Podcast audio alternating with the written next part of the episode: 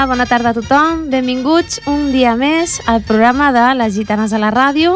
Avui, com sempre, m'acompanyen l'Agustí Carmona, Bona tarda. la Núria Escursell Bona tarda. i per fi s'ha tornat a reincorporar la nostra companya i amiga, l'Anna Montero. S'havia agafat Hola, un parell de setmanes sabàtiques. Sí, un parell de mesos, no? Com que només és un cop al mes, però ja... Exacte. Ja torno a estar aquí, torno a estar aquí. Amb l'energia? Hombre, a tope. Vinga. Bé, doncs avui tenim un programa sobretot una miqueta dedicat a una festa que és molt nostra, sobretot, bueno, és en general, no? Però sobretot aquí a Catalunya, doncs hi ha un dia molt especial que és el dia de Sant Jordi, que sí, Agustí? Sí, mira que aquí ens dediquem bastant a parlar de, del Ball de Gitanes i això, però avui, que és eh, l'abril ja que és un mes de, de lletres, diguem, de lletres i de roses, eh, el volem dedicar bàsicament a, a Sant Jordi. Doncs bé, avui us comentarem una sèrie de, de llibres que nosaltres hem pensat que us podríem recomanar dins la nostra poca saviesa, si es pot dir d'alguna Sí, que manera. ens preguntin de Ball de Gitanes, que ens preguntin el que Exacte. vulguin. De llibres i de roses, potser no tant. De roses em sembla que hi ha algú que ha fet un curset, un curset eh, intensiu aquests dies, Sí. però de llibres potser no tant. Exacte, ens farà 5 cèntims la nostra companya Ana Montero i avui tenim un convidat molt especial que és l'escriptor Simón Casas. Hola, Simón. Hola, bona tarda. I, bueno, encantada que estiguis aquí amb nosaltres. Jo també estic encantat i, i molt agraït que m'hàgiu convidat a, a venir aquí amb vosaltres i, i compartir aquest temps de aquesta estona amb tots els oients. Molt bé, doncs eh, més tard farem l'entrevista al Simón i ara, doncs, Agustí, comencem una secció nova. Una secció nova?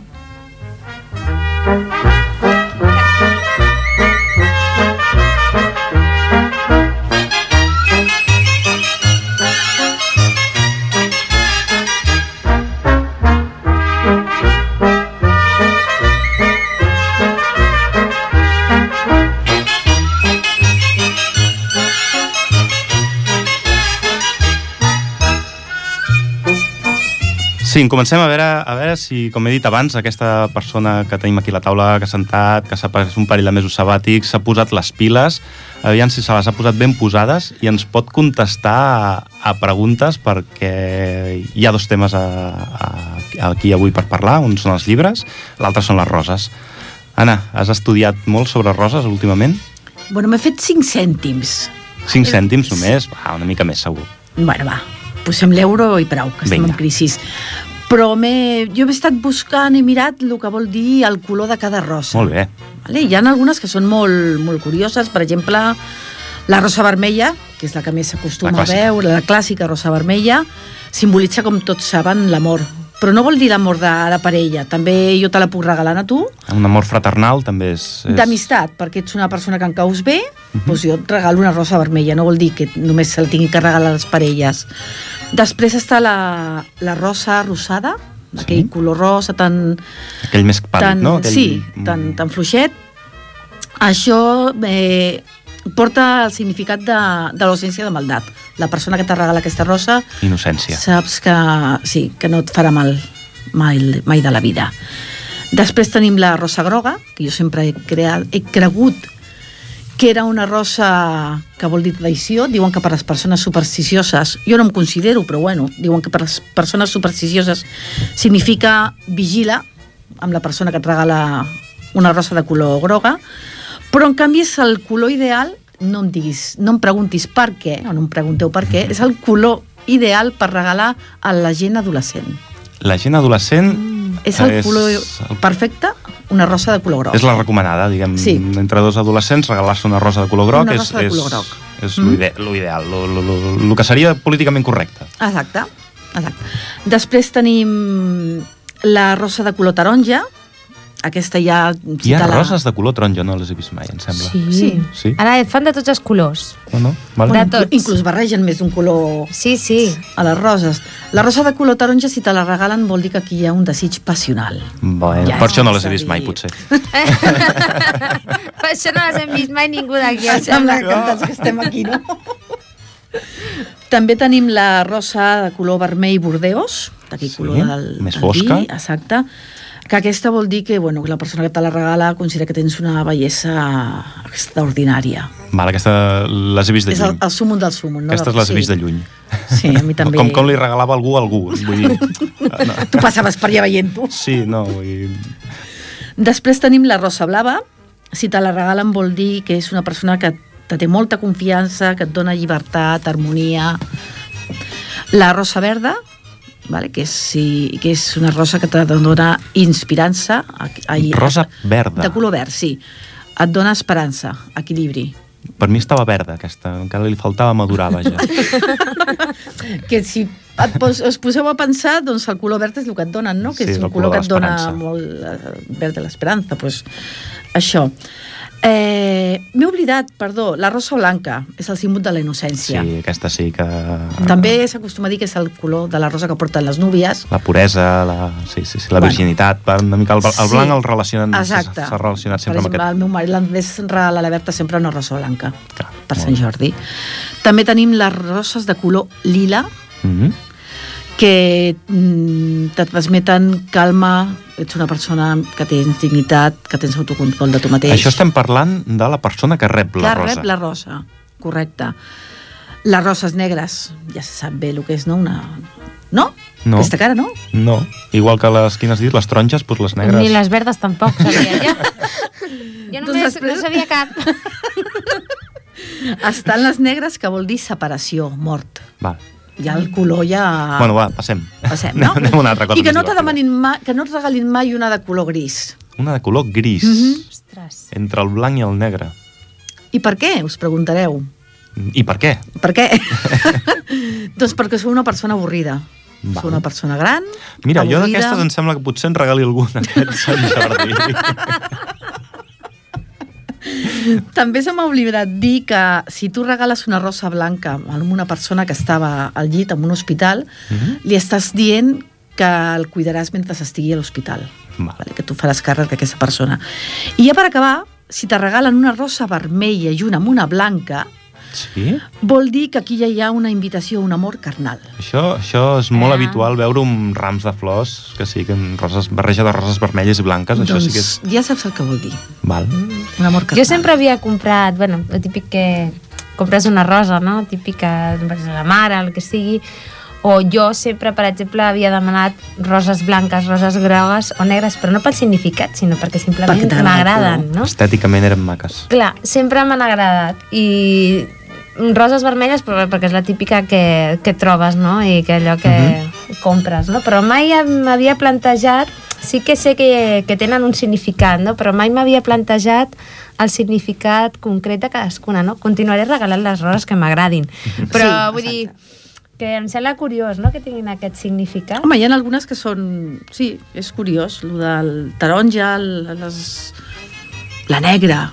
Mai... És un color que a mi m'agrada molt, el color negre, però mai m'hagués pensat que hi hauria una rosa de color Jo, negre. mm, bueno, eh, suposo que en, per falta de visitar-ho afortunadament, però roses negres no sé si n'he vist mai. Em Bueno. passa igual que les taronges, no, no si, ha sigut una si cosa propera. passeges a, la, a les Rambles, a les Rambles de Barcelona, n'hi ha del color que vulguis. Bueno, aquest, aquest cap És de setmana, passada. aquest cap de setmana, no, el proper cap de setmana, dia 19, que se celebra el Sant Jordi aquí a Sant Jordi Sí. a la Rambla, que tallen la Rambla, posen tot de paradetes, ens hi haurem de fixar aviam si, si, hi ha, si hi ha alguna parada així amb, amb flors.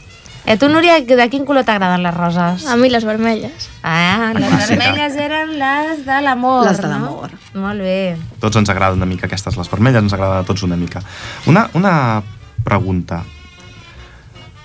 Les roses... Eh, jo he regalat roses a, a molta gent. Regalat roses a ma mare, a ma germana, a les meves parelles. Eh, Sempre he regalat roses. I aquesta pregunta és especialment per les dones que esteu aquí a la taula. Heu regalat roses als vostres marits, a les vostres parelles, als vostres pares? Perquè sí, regalar flors d'home a dona és molt habitual, al revés no és tan habitual. Una, una, són, això venen a ser dues preguntes. Una és si ho heu fet alguna vegada i la segona és per què? O Doncs- per què no, en aquest cas seria. Doncs mira, Perquè m'imagino la resposta.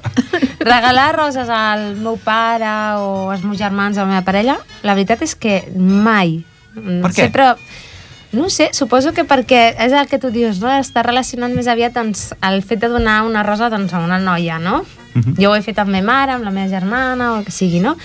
I fins i tot, aquí sortint, sortint guanyant una miqueta les dones, no? Perquè a mi, a més d'una rosa, que bueno, és un símbol, és molt bonic i això, però jo prefereixo un llibre, per exemple, Va. més que una rosa. En canvi, doncs, el meu pare o els meus germans, el que sigui, doncs això, el típic, un llibre, alguna cosa. això, això també ho he fet, regalar el llibre i rosa, també ho he fet. Això ho he demanat jo també que m'ho facin. Llibre i rosa. Perquè l'Andrés no llegeix, quan parlo de l'Andrés parlo del meu marit, eh, res, només la propaganda del Carrefour, com dic jo, Ai, ai, ai, que dormiràs al balcó avui. i sempre li dic que algun any m'ho he pensat de regalar-li la rosa, eh? però després penso que corxolis, pues la propaganda del Carrefour Doncs i mira- que em regali la rosa i el llibre a mi. Jo no convisc amb el- amb el- l'Andrés. Però una cosa et puc dir.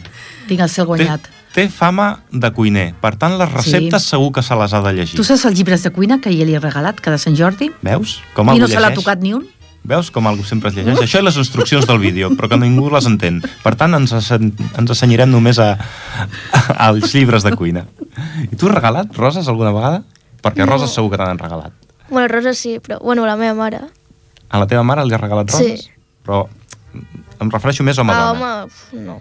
No? Doncs pues mira, jo és un repte que llenço a les dones, sobretot aquelles que volen que els hi regalin un llibre, a més a més. Regaleu roses, per què no? Per què no? Jo puc, puc obviar la rosa, eh? Jo amb el llibre... Tu amb el llibre que feliç. Sí, ja en tinc prou. Vull dir, realment no sóc gaire amant de les flors, vull dir que... Si jo tinc una parella que no em regala flors, tampoc em poso trista, eh? Vull dir, no, cap problema. Doncs jo sóc la que la on estigui un llibre, la veritat és que... Bueno, Ah, sí, sí. ja et diré una cosa, hi ha llibres que duren menys que les roses, eh? perquè hi ha roses que duren setmana llarga i el llibre en dos dies, si, si és un bon llibre, en dos Dos dies te l'has o polit, en eh? una tarda. O en una tarda. Jo, una tarda ben aprofitada. Devoradora de llibres, vull dir que en una tarda em puc llegir el llibre que sigui. Una altra pregunta. Parlaves de la rosa més clareta, no? Com, com quin color era la rosa... La blanca, No. La gris? La rosa rosa. la rosa rosa. La rosa rosa dius que és, eh, no et fa mal, no? És, és... No. Porta espines? Clar, home, tota rosa té que portar espines. Llavors pot fer mal. La persona, estem parlant de la persona que la te persona et farà mal. Val, val, val, val. Potser no ho havia acabat d'entendre. Ja t'ho explico jo bé. Molt bé, molt bé. Aquest tu màster saps, sobre rosa tu està... saps eh, que hi ha una anècdota, bueno, una anècdota, una curiositat, que si el que regala la rosa amb la mà dreta, o sigui, quan te regalen la rosa, la dones amb la mà dreta, té més intensitat el fi del regal aquesta rosa. I si la persona que la rep l'agafa amb la mà dreta, vol dir que té acceptació. Aviam si ho entenc bé, és a dir, que la rosa taronja donada amb la mà dreta i rebuda amb la mà dreta és una bomba. Vamos, mismamente. Una bomba amb... amb vamos. I ja si juntes la vermella i la blanca amb la dreta tot, buah! Salten Ostres. xispes. Salten cuspires. Jo tinc una pregunta que deixo caure. Tothom sabem la història de Sant Jordi el drac, etc etc. no? Però realment d'on prové la tradició de regalar l'home a la dona una rosa i la dona a l'home un llibre? Aquesta és una pregunta que, que in... segurament algú altre pugui tindre alguna pista. Després, quan parlem amb el Simon, aviam si sap, si sap per on va el tema. Bueno, la nostra Bueno. companya Núria m'està dient que sí, eh? que sí que ho sap, eh? Sí? Tens alguna idea, Jo Núria? havia sentit que es regalava un llibre perquè havien mort escriptors famosos aquell, el dia de Sant Jordi. Ah, per exemple? Sí. Eh, el Cervantes i el molt Shakespeare. Bé, molt bé. Molt bé, Sí, sí, molt bé, sí, molt bé. senyora. Mira. Sí, sí. Veus? molt bé. Jo això m'ho apunto dins del meu cervell, Segur que hi ha molta calaixet. gent que no ho sabia, entre ells jo. Jo. I jo. Som tres. Hem hagut d'aprendre de la petita del grup. Veus com sempre es pot aprendre alguna cosa? Exactament. Des de quan es fan servir el llenguatge de les flors, ho sabeu? No. M'ho he currat, eh? Tu No, estàs no, com ostres, m'ho he ostres, currat, He jo. ostres. treballat, han estat dos mesos si de stand-by, però... per molt, eh? Ha treballat, eh? Digues, digues. Des de l'any 1600 1.600. mm -hmm. es fa servir eh, de l'antiga Constantinople, ara Estambul. Mm -hmm. Doncs era la manera que tenien els enamorats de transmetre els missatges. Mentre aquí anàvem amb els banus, amb les mirades i els banus, i si invento vol dir no sé què, i allà Doncs la manera de parlar-se entre ells... D'on són originàries les roses? Ara sí que passa enxampat. La patata és americana, però la rosa? Del Maresme? No sé, els d'Istanbul no sé què pensaran d'això. Però bueno. Què més ens pots explicar de les roses? Doncs, si et sembla... No, doncs ja no tinc res més. Si algú té alguna coseta per explicar, o passem una mica de música? Pues posem una miqueta de música.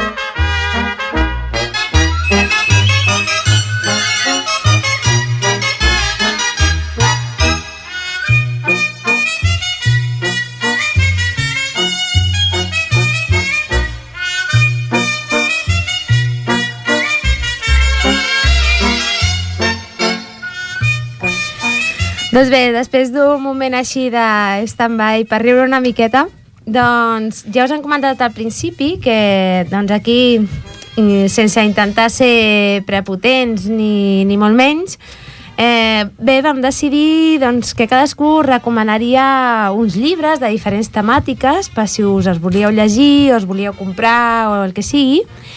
I, bueno, cadascú vam triar quatre o cinc gèneres o temes. Eh, ho hem fet amb el nostre gust, és a dir, llibres que a nosaltres ens agraden o ens agradaria llegir, d'acord? Mm, Jo, per exemple, soc més clàssica i cadascú doncs, té una temàtica bueno, més moderna, més clàssica, depèn. I, per exemple, la, la nostra companya l'Anna, tu què vas triar? Doncs mira, jo eh, recomanaria un fet real. Us té que agradar la por. Passar por, Un fet real basat en por. sí. Quin és I avui llibre? quan m'ho he preparat una miqueta m'ha tornat a agafar una miqueta de por. El llibre es titula Aquí vive l'horror. Aquí vive l'horror. És de Jay Anson, perdoneu el meu anglès, que no, no és massa bo. És la història d'un matrimoni que l'any 1975 va comprar una casa on un any abans un noi va matar els seus pares i els seus quatre germans. Uh -huh. Va confessar a la policia i, i en els veïns que ho havia fet a les 3 i 15 de la matinada perquè li havia dit un cert. Molt bé. Vale? Només van viure 28 dies aquesta En aquesta família casa? en aquesta casa, però van ser horrorosos. O sigui, mm, a mi m'agraden els llibres de, de por, de misteri, però amb aquest reconec que tenia por d'aixecar-me del sofà o d'anar-me'n a dormir. Amb la llum tancada del passadís. Molta, molta. És, eh, sí, sí, ja dic, us té que agradar la por, Quina rosa li Por. posaries en aquest llibre? la negra. Vinga. Eh, L'autor va morir eh, quan escrivia també d'un atac de cor sobtat, escrivint una novel·la, un fet real també d'una casa encantada. Carai. Déu-n'hi-do. Déu-n'hi-do. Núria, Bueno, Núria. tu quin... Bueno. Digue'ns un... Jo d'aventures, en, re- bueno, en recomanaria tres. Eh, un llibre que es diu Donde los árboles cantan, de la Laura Gallego, Uh -huh. que parla de... És com si estés... Bueno, si més o menys està... està bueno, els fets passen a, a l'edat mitjana, on... Bueno, representa que hi ha una... Els bàrbars intenten conquistar unes terres i hi ha una de les donzelles que diguem que deixa de ser la donzella que és i es converteix com si fos en un home per intentar afrontar aquesta conquesta. Uh -huh. I bueno, per aquí passen uns Aquí- fets aquí que... les aventures. Sí. Molt bé.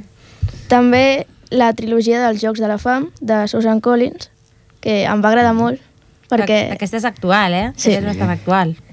Sí, bueno, eh, tracta de, de... Bueno, es desenvolupa a, a Panem, un país governat pel Capitoli, que domina 12 districtes, i on cada any s'envien a dos tributs de cada districte i només pot haver un supervivent d'aquests jocs.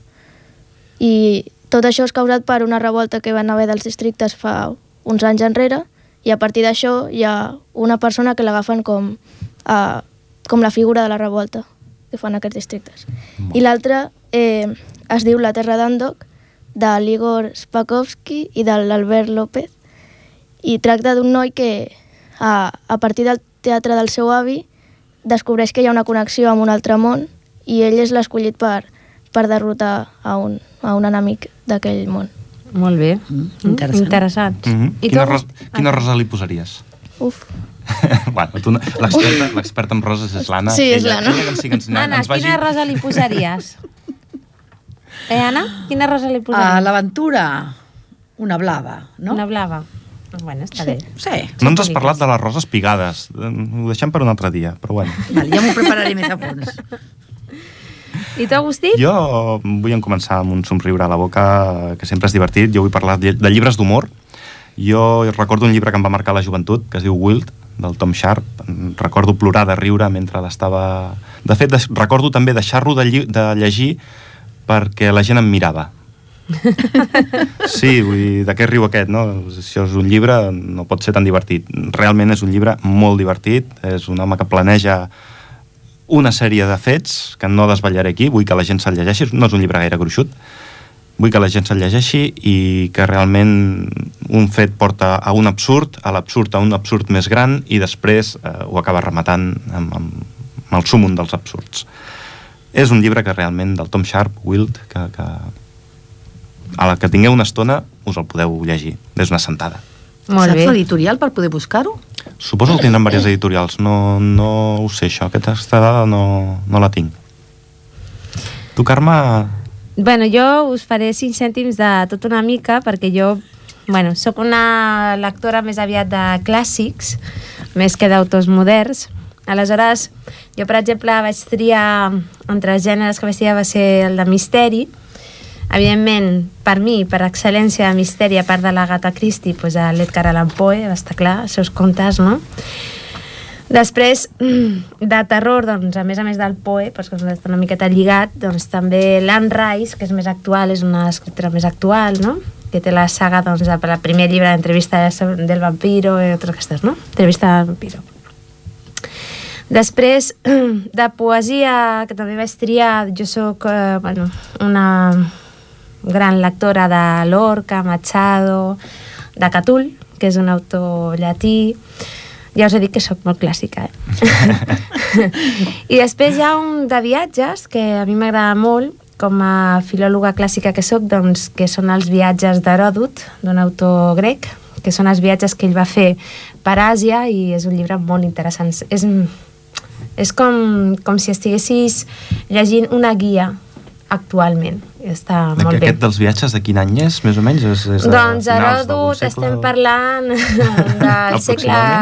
V, quart abans de Cris, aproximadament. Val, perquè, perquè Sí. la gent se situï que, la, que les coses... Eh, Ja hi havia pots guia de llegir, viatges, sí. Pots llegir un llibre que potser és molt antic, però que moltes vegades reflexa igualment la, la, les cultures que encara existeixen i que realment la Exacte. manera de pensar no ha variat tant. No, sobretot en aquella zona hi ha cultures que no han variat gaire de pensament.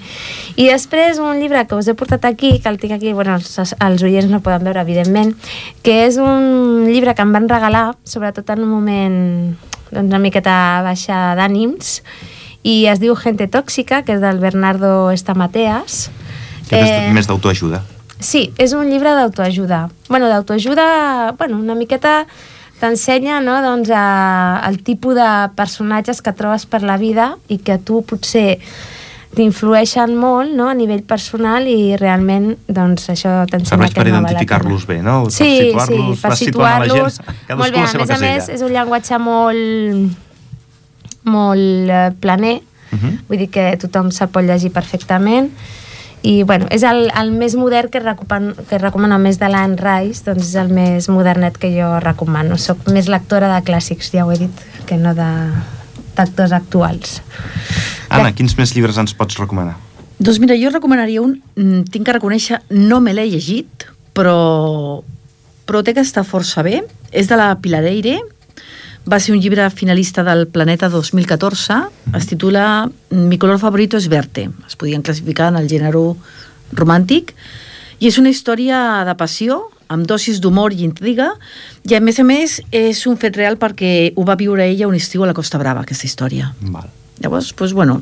Té que aquest punt de pinta- realitat Sí, barrejat amb la ficció. aquest te'l recomanaria, sí, perquè té que estar bé. Home, jo com a amant dels clàssics, torno a inserir, eh, eh, jo sóc una gran apassionada del romanticisme anglès, eh? típic de Charlotte Bronte, bueno, les germanes Bronte i tal, no? La Jane Eyre, Cumbres borrascoses, uh. -huh. etc. Són llibres super romàntics, però super romàntics. O sigui que la gent que realment li agradi, hi ha actors actuals, eh, ai, escriptors actuals, perdó, molt bons, evidentment, vale? però a vegades et sorprens de llegir llibres així, no? Són Jo és que a mi el gènere romàntic, no sé per què, el catalogo com una... Que, clar, a veure, té que haver-hi gustos per tot, no? Però em costaria potser llegir-ne a mi un de romàntic. Jo per la idea que tenim feta, no? Que, De... Et recomano que t'ho llegis, ja saps que jo de romàntica no tinc absolutament res, i ho saps perquè em coneixes perfectament. Vull dir, només dient que no m'agraden les flors, ho saps perfectament. Però realment aquests llibres enganxen i són molt bonics, són històries molt boniques. Molt. No és de besuconeos i coses d'aquestes, eh? és una miqueta de tràgic bé. també, una miqueta barrejat tot, saps? Està molt bé. Molt bé. I Núria, tens algun més? Bé, sí, de cuina. Es diu Les putes receptes de la iaia, del Jofre Martell. Aquests adolescents amb el seu vocabulari. Parla, parla bé, sisplau, que estem a la ràdio i ens senten. Sentirà te mare, ja ho veuràs. Bé, és un llibre molt actual, amb, amb molt d'humor, on l'autor bueno, es fa passar més o menys per la seva àvia i explica com fer una recepta d'una manera més, amb un vo- vocabulari més col·loquial i amb un toc d'humor. Que l'Andrés l'entendria, Eh. aquest. Sí. Ves? M'acabes de donar una idea per aquest Sant Jordi. I el mateix autor, ara, bueno, aquest parla de, de la història de, Catalu de Catalunya, ha escrit la puta història de Catalunya, que li vaig, bueno, li vaig regalar al meu pare pel dia del pare i té pinta també d'estar molt bé i molt xulo. Veig que la, la, eh, la sèrie La paraula d'aquest autor va per la mateixa, eh? Sí. Temàtica. Molt bé, molt bé. Me llegiré aquest de receptes perquè ja m'han dit que està molt bé. Bueno, m'ho has dit tu. Sí. Que està molt bé, vull dir que també és qüestió de mirar-se'l una miqueta. A veure què tal. Bueno, jo vull seguir també una mica, amb, vull treure un tema que és seguir una mica les, la línia que acaba d'introduir la Núria, que és el, el relat eròtic. No, no és que hagi tret el relat eròtic, perquè t'ha fet una però mirada de... m'ha- m'ha Què m'ha- dius? m'ha despertat aquest puntet, no?, amb els títols aquests tan Hòstia, La originals. bústia és així, no saps per on et pot sortir. amb aquests títols tan originals. Hi ha un llibre de la Valeri Tasso que es diu Diario de una ninfòmana. Ep, aquest el tinc jo. Aquell l'he l'he llegit. Està molt bé. Doncs si a algú no li agrada llegir-lo, també hi ha la pel·lícula. Sí. Això no s'ha de dir mai. Bueno, no, jo recomano la lectura, però vull dir, els temps que corren anem tots una mica pillats a temps, sempre. Va d'una noia universitària de 28 anyets. Jo, jo ho deixo anar aquí, vull dir, està escrit per una dona. Aquí se, se m'estan rient, Núria, se m'estan rient. No es pot parlar de coses sèries. Bueno, farem una altra cosa. Passarem, em sembla que passaré del tema eròtic perquè aquí em quedo sol. Em No, quedo no, sol, pots la resta estan plovent. No, la no, resta no. estan plorant, Pots perdó. seguir, pots seguir, No, no, no, Carme, va, segueix tu, segueix tu, jo ho deixo aquí, amb una universitària de 28 anyets. No, la veritat, ara en sèrio, parlant seriosament, aquest llibre a mi també... Jo me l'he llegit, eh? Sí? També perquè me'l van recomanar, no em feia gaire gràcia llegir-me un llibre sobre una ninfòmana, però me'l vaig llegir i la veritat és que em va sorprendre, està bastant bé. Està bastant bé, sí. Doncs mira, ja té Sí, dues sí. recomanacions en el dia d'avui. Sí, sí, ja vaig, vaig captant aquí. Anna, quin, Bé, quin doncs- altre, algun altre llibre? Així, Sí, mira, un que... Prométeme que seràs libre, del Jorge Molins. Uh -huh. Eh, està catalogat, bueno, jo l'he posat com històric. Vale? És, està, és la història del fill d'un pescador. A l'any 1484, una galera pirata mata el seu pare, a Llafranc, i, i segresta la mare i la filla. El pare abans de morir li, li diu aquesta frase, prométeme que seràs libre. Llavors, eh, és l'època de les guerres, de la Inquisició, és un llibre que està molt ben descrit. Jo, mm, jo no em considero una bona lectora, perquè el que més m'agrada és la por. Si em treuen d'aquí ja poc llegeixo. Però aquest me'l vaig llegir i me'l vaig llegir amb una velocitat increïble. Mhm. T'enganxa, està molt ben... Te saps situar perfectament a Llafranc, a Cadaqués, que també... O sigui, recomanable 100%, perquè ho vius. Et sap transportar perfectament en aquella època. Interessant, interessant, sobretot si és una lectura d'estiu de gent que pot estiuejar per aquella zona, Mhm. encara els hi pot A situar... més a més, després parla molt de, de la Barcelona, no? Mhm. De la catedral, de, són coses molt, molt, molt maques. De... És un llibre molt bo, jo el recomano molt. Mhm. Núria, algun altre uh, últim llibre ja per anar... Sí, el, bueno, el, aquest no l'he llegit, però bueno, m'han dit que està molt bé, que és el Código da Vinci, Sí?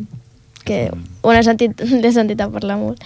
I, I avui, bueno, el tinc a casa i avui mirant de què anava i això, eh, he llegit que és tracta d'un professor de, que ensenya simbologia religiosa a la Universitat de Harvard a ajudar a una altra noia a resoldre un crim comès al Museu del Louvre i també es descobreixen, crec que era un grup de persones que protegeixen els descendents de Jesucrist. Exacte, correcte. Jo realment de ser un dels llibres que he devorat perquè està, és, està escrit d'una manera molt àgil de, de, de llegir. És una, una lectura molt ràpida. Realment és una lectura molt ràpida. Mhm. Suposo que algú més se l'ha llegit per aquí. Sí, bueno. És, és gairebé un, La recomanació és gairebé un llibre de lectura obligada. Agradarà més, agradarà menys. en- Ja va tindre el seu punt de polèmica amb la religió en el seu moment. sí, bueno. però fixa que hi ha llibres que, sobretot el, perquè un llibre realment t'enganxi, que com a mínim en el meu cas, és que estigui com molt ben introduït, no? I tot sí. molt ben localitzat i com que t'hi puguis ficar no? en, a, en aquell paisatge, en aquell lloc i, i puguis viure la història, no? I la veritat és que doncs el Código da Vinci està molt bé. Jo, per exemple, sóc molt crítica amb lo de les ombres de Grey, ja sé que em matarà molta gent, Ja no l'he volgut Molta treure gent- com a llibre eròtic. No l'he molta volgut gent em portar. matarà, trobo que és un llibre que està realment mal escrit, però bueno, li agrada a molta gent. Bueno, Però- doncs jo, al fil del Código da. Vinci, al fil del Código da Vinci tinc aquí una llista amb els 100 llibres més venuts de la història. Realment, dels, dels primers, el Código da Vinci és el número 10. Uh -huh. És el desè llibre més venut amb... Aviam que ho porto per aquí. Ara l'he perdut. 80 milions d'exemplars. Mare Déu. Déu-n'hi-do. 80 milions d'exemplars venuts del Código da Vinci. El llibre més venut a la història... Eh, estem parlant de llibres que no són ni religiosos ni polítics, perquè Mm. entre el llibre vermell de Mao Zedong de Mao Zedong era i el, la Bíblia, aquests mm, són dos llibres que realment desborden qualsevol previsió de, de, de llista d'aquestes. Però dins dels llibres que no són ni religiosos ni polítics, tenim La història de dos ciudades, de Charles Dickens, que és el llibre més venut de la història, El senyor dels anells, és el segon, i El Principito és el tercer. Ah, Principito. el Principito és molt bonic. Ah, el Principito és molt Sí. bonic. A mi no... Bueno, jo tinc un, un llibre al Principito i no, no em va enganxar. No et va No? enganxar? No, no em va El agradar. Petit Príncep no t'ha agradat? No. També he de dir una cosa, que per arribar al primer llibre escrit en llengua espanyola, castellana, catalana, digue-li com vulguis, un llibre que puguem entendre, entendre tots els que estem a la taula i tots els que ens estan sentint. Hem d'anar a la posició número 70. Ostres, déu nhi I si us dic Carlos Ruiz Zafón, segur que sabeu quin, de quin La llibre sombra estic del parlant. viento? L'ombra del vent, exacte. Mhm. Més inclús que el Quixot, que no surt ni a la llista dels 100 més llets. Bueno, de fet, m'he fixat que ni el Quixot ni, ni llibres així clàssics que realment jo penso que superen els 80 milions, eh? Penso jo, eh? El Quixot. Qui no, qui no té un Quixot a casa? O, Dios mío. O qui no té Alguna de Shakespeare? Alguna de Shakespeare? Doncs no surten, no surten. No surten? És que m'estranya. Bueno, no sé. Potser és que jo, ja et dic, sóc massa clàssica. Bueno, i aquí per seguir parlant de llibres i aviam si aviat el tenim dins d'aquestes 100 novel·les més venudes de la història. Intentarem ara en començar amb una, amb una entrevista al nostre escriptor que hem portat avui, en Simon Casas, i aviam si en un moment estem amb vosaltres.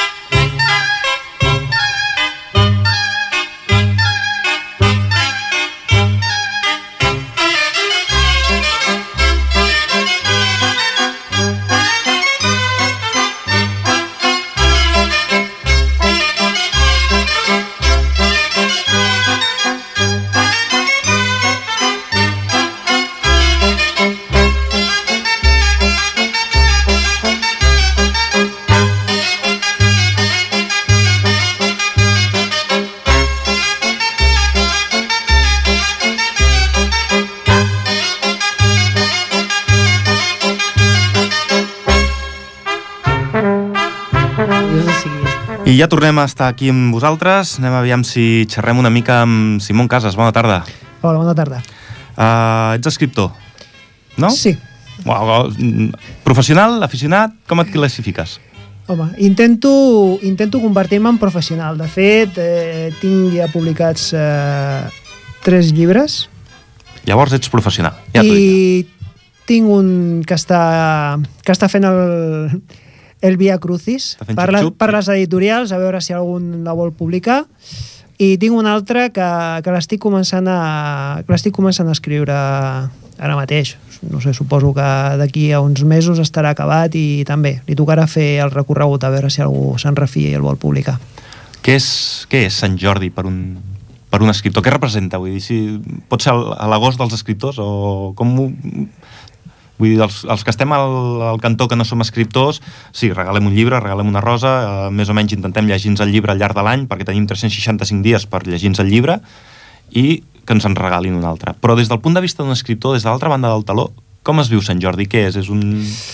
A veure, mm, potser la comparació no és, eh, no és la millor, però aquesta l'entendrà tothom. Eh, per un culer guanyar la Champions, lo guanyar la cinquena, i no sé si dir-te si guanyar-li al, al Madrid al Bernabéu.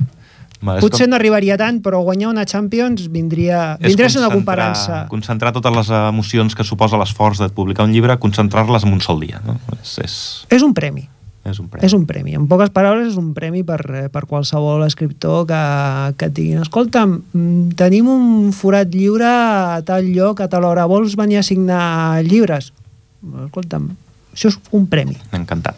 Exacte. Encantadíssim de la vida. Molt bé, molt bé. I amb la comparació que ha fet del futbol, jo que soc futbolera total, ho entens perfectament. És aquell dia, aquella hora, en aquell lloc. Exacte. Molt bé. Uh, tens el llibre, el, el llibre que has autopublicat, el de, es diu Les primeres morades, Uh -huh. val? El, em sembla que has portat algun, per aquí podem veure en algun, per aquí sobre. Sí. Si algú el volgués eh, trobar en algun lloc, alguna papereria, te'l demanin a tu, perquè això és autopublicat, això és, últimament es porta molt l'autopublicació, els, els, hi ha molts autors que s'autopubliquen, moltes editorials o moltes impremtes que realment faciliten aquesta autopublicació. Si algú vol trobar, on el pot trobar? En alguna papereria Doncs a veure, te'l hi ha algunes llibreries molt poquetes, molt poquetes, però el que passa és que eh, quan es tracta de, de fer autopublicació, eh, el procés és una mica més complicat a l'hora de poder entrar a les llibreries, més que no pas anar, anar de la mà d'una editorial. Publicar un llibre d'una editorial és més difícil, però en canvi les portes estan sempre obertes perquè ells tenen els seus canals de distribució. En canvi, l'autopublicació suposa tota una sèrie de, de passos que ara potser no val la pena explicar-ho, però que fa una mica més difícil eh, entrar a les llibreries. Mhm. No, no són massa receptives i per això mm, el que jo faig és sobretot eh, si algú vol un exemplar doncs eh, n'hi ha prou que o que me'l demanin directament o bé em poden enviar un, un e-mail i mira, ara de fet eh, com que s'apropa Sant Jordi eh, ho estic comentant als cercles, als cercles íntims i també estic fent una mica de, de, de veus a través de, a través de xarxes i, i de més. Eh, el, pel preu que, que correspondria en una llibreria normal i corrent, doncs eh, si m'envien un, un e-mail demanant-m'ho amb un nom i, amb, i si volen un text eh, concret, doncs jo els hi puc enviar dedicat sense cap problema i tindran un regal una mica més original per Sant Jordi i absolutament personalitzat pel tema de la dedicatòria. Molt bé. Veus, jo això, quan em va explicar l'Agustí, doncs això, que tenia un, un conegut, un amic que era escriptor, doncs vaig dir, home, doncs, doncs aqu- aquest llibre, doncs, si el tingués, m'agradaria llegir-lo, sobretot, doncs, clar, perquè quan, quan parles amb un escriptor, sobretot, haver llegit alguna cosa d'ell, no? I, i bueno, sap, jo, per exemple, a mi sí que m'agradaria, perquè, bueno, sóc una mica devoradora de llibres i sí que m'agrada, bueno, em trobaria interessant llegir-me'l, una miqueta per la, la sinopsi, una miqueta que ens ha explicat, a, bueno, abans de començar el programa. Sí, ara el repassarem una mica, les quatre dades que Ah, podem dir, el que sí. podem dir, perquè tampoc revelarem el 100% de la novel·la, aquí tampoc... No, de fet, no, no, per, no, per, no per ganes, sinó per temps, però, bueno, podem dir que es tracta d'un... És una novel·la un, tant així entre eh, no misteri, però sí que hi ha una sèrie de pistes que s'han d'anar seguint. Explica'ns una mica, sisplau, com, com és aquesta, les primeres morades? Sí, doncs eh, és la història d'un d'un noi, que és un fotògraf aficionat, es diu Noel, que té una afició molt peculiar a banda. Eh, fa servir la fotografia per espiar la gent. A aquest noi eh, li agrada fer-li fotos a persones anònimes que veu pel carrer i la seva frase preferida és eh, que li agrada veure com es comporten aquestes persones quan es pensen que ningú no les mira. Uh -huh. I això, que sembla tan rocambolesc i tan uh, surrealista, això és absolutament real. No, a mi em passa, em fixo amb els cotxes, quan estan parats al semàfor, la gent, els cotxes, els de dintre dels cotxes, jo em fixo moltes vegades amb el que fan. No els hi faig fotos, perquè jo normalment vaig en moto, però sí que el del dit al nas és veritat, eh? Els cotxes es posen el dit al nas. No, això no tant, però, però, però Quan aquesta, es pensen aquest, que ningú els veu. quan, aquesta frase que he comentat me la va dir un company de, un company d'universitat durant un viatge d'estudis eh, perquè li vaig fer una, una pregunta en un moment determinat que ell estava fent fotos i estava fotografiant, me'n recordo com, com si fos ara, uh, un noi que estava, estava tocant el violí al carrer. Li vaig preguntar per què ho feia i em va dir exactament això que us acabo de dir ara. És a dir, que aquesta novel·la té un punt autobiogràfic eh, sobre una experiència teva. Es basa en una experiència Sí, teva. parteix d'això, parteix d'això. Uh, doncs aquest noi, el Noel, un bon dia desapareix sense deixar rastre. I al cap de gairebé un any, un amic seu, que es diu Arnau, rep un paquet enviat pel Noel on hi ha tota una sèrie de fotos, un diari amb anotacions i una carta a la qual eh, li demana que, si us plau, es posi en contacte amb una determinada persona, que és l'última persona que el va veure abans de que marxés, i eh, li prega que, si us plau, vagi en nom seu i li demani perdó. Aquesta persona es diu Marta, i a partir d'aquí, en el moment que Arnau decideix anar a buscar aquesta noia que es diu Marta, Marta. és on comença la novel·la. Molt bé. I a partir d'aquí doncs es van, eh, es van desgranant quins són el, quina és la relació que mantenien Noel i Marta. Tot es, es viu el llibre a través de l'Arnau? Com a primera persona o com a eix principal? Mm, No, en realitat el llibre acaba sent més la història d'ella. Aquesta noia és prostituta, és mare soltera, i al final el llibre acaba sent eh, tot un compendi d'errors que tots tres cometen o han comès en algun moment i són els que fan avançar la trama fins a un punt que aquest sí que no desvetllaré, perquè llavors mm, ens que, eh, em quedo sense llibre i em quedo sense clientela. Molt bé. Molt bé. Em sembla Sí. molt interessant. Sí, eh? és el que anava a dir, que conforme va explicant t'agafen ganes de, Doncs, de Aquí llegir-ho. em sembla que t'hem aconseguit a dues clients. Sí, sí. Sí, si voleu us llegiré un petit fragment perquè veieu perquè veieu eh, més que, més que per, eh, perquè veieu, perquè sentiu eh, algunes, eh, algunes de les pinzellades que poden tenir que, que es van desgranant al llarg del llibre. Gairebé al començament, que ja és eh, la primera senyal de que alguna cosa mm, hi ha alguna cosa estranya eh, parla de l'Arnau. Llegeixo en castellà que és l'idioma en què està escrit el llibre y diu hacía más de un año que no veía a su amigo Noel y el hecho de que la mujer a la que ahora espiaba en contra de su conciencia fuese lo último que sabía de él le hacía esperar desafiando el infame tiempo de ese jueves a que ella apareciese ante sus ojos Creía, de una forma conscientemente absurda, que su forma de actuar, de hablar, de gesticular, le daría alguna clave acerca del único nexo en común que ambos tenían, Noel. I hasta aquí puedo leer. Com sí, diria... Sí, perquè a No, poc, no. Eh, el llibre comença just en el moment que Arnau va a buscar aquesta noia, a Marta. Uh -huh. I a partir d'aquí es comença a veure quina és la relació que va tenir amb Noel, quina és la relació que s'acaba eh, que s'acaba formant entre Arnau i Marta i després tota la sèrie mm, d'interrelacions que hi ha entre els tres en el passat, en el present i en diferents moments.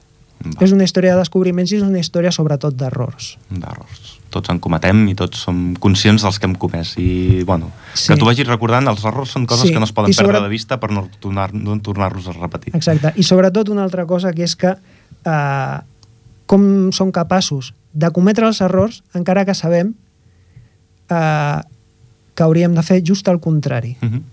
Això ens passa. Que és, el, és, el, és, la, és la paradoxa principal i és també la que fa avançar moltes vegades el llibre. Molt bé. Aquest llibre uh, té, un, té un, un plus, no? Aquest llibre et porta, a més a més, acompanyant aquest llibre, que pot anar mentre s'està llegint, Sí, porta de fons una banda sonora. sí. A més de, a més de, de llegir-se amb els ulls, també es pot sentir, i no, no només llegint-lo com he fet jo ara, sinó que hi ha una banda sonora que ho vaig plantejar com, com si fos una pel·lícula. Uh -huh. Uh, és un llibre que parla molt de sensacions, de sentiments, i trobo, trobo que, li, que li anava molt bé el fet de tenir eh, una sèrie de cançons que li indiquessin a, a la persona que l'està llegint com se sent el personatge en aquell moment. La intensitat de cada... Què va? Per capítols, més o menys? Va per Sí, les ca- cançons... Cada, capi cada capítol té una cançó. Això que va començar sent una cosa molt puntual, al final va acabar convertint-se en una banda sonora per tot el llibre. Cada capítol Uh -huh. té la seva pròpia cançó, Val. I... Si algú la vol escoltar, la banda sonora la pot trobar a Spotify tranquil·lament, no? Sí, vas sí, només que busqui pel, pel mateix eh, títol del llibre, Les primeres Les morades. primeres morades a Spotify i Sí. surt el llistat complet. Exacte, i cada cançó, a més estan posades per ordre, cada cançó Uh -huh. És un eh, capítol... és un capítol i intento que reflexi una mica quin és l'estat en el que jo m'imagino que estan els personatges. Molt bé. I, es, i que espero que espero que el, que el lector pugui copsar si, si fa aquest, aquesta experiència de llegir el llibre mentre escolta les cançons.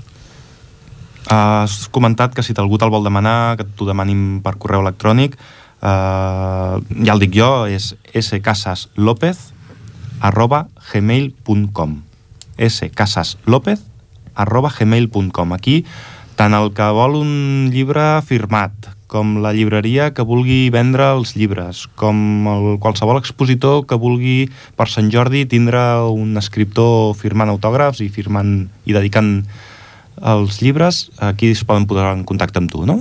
Sí, exacte. Exacte, i els que vulguin l'exemplar dedicat, doncs, eh, que em donin, si volen dedicar a cosa especial, doncs que em diguin, que em donin les dades. Molt bé.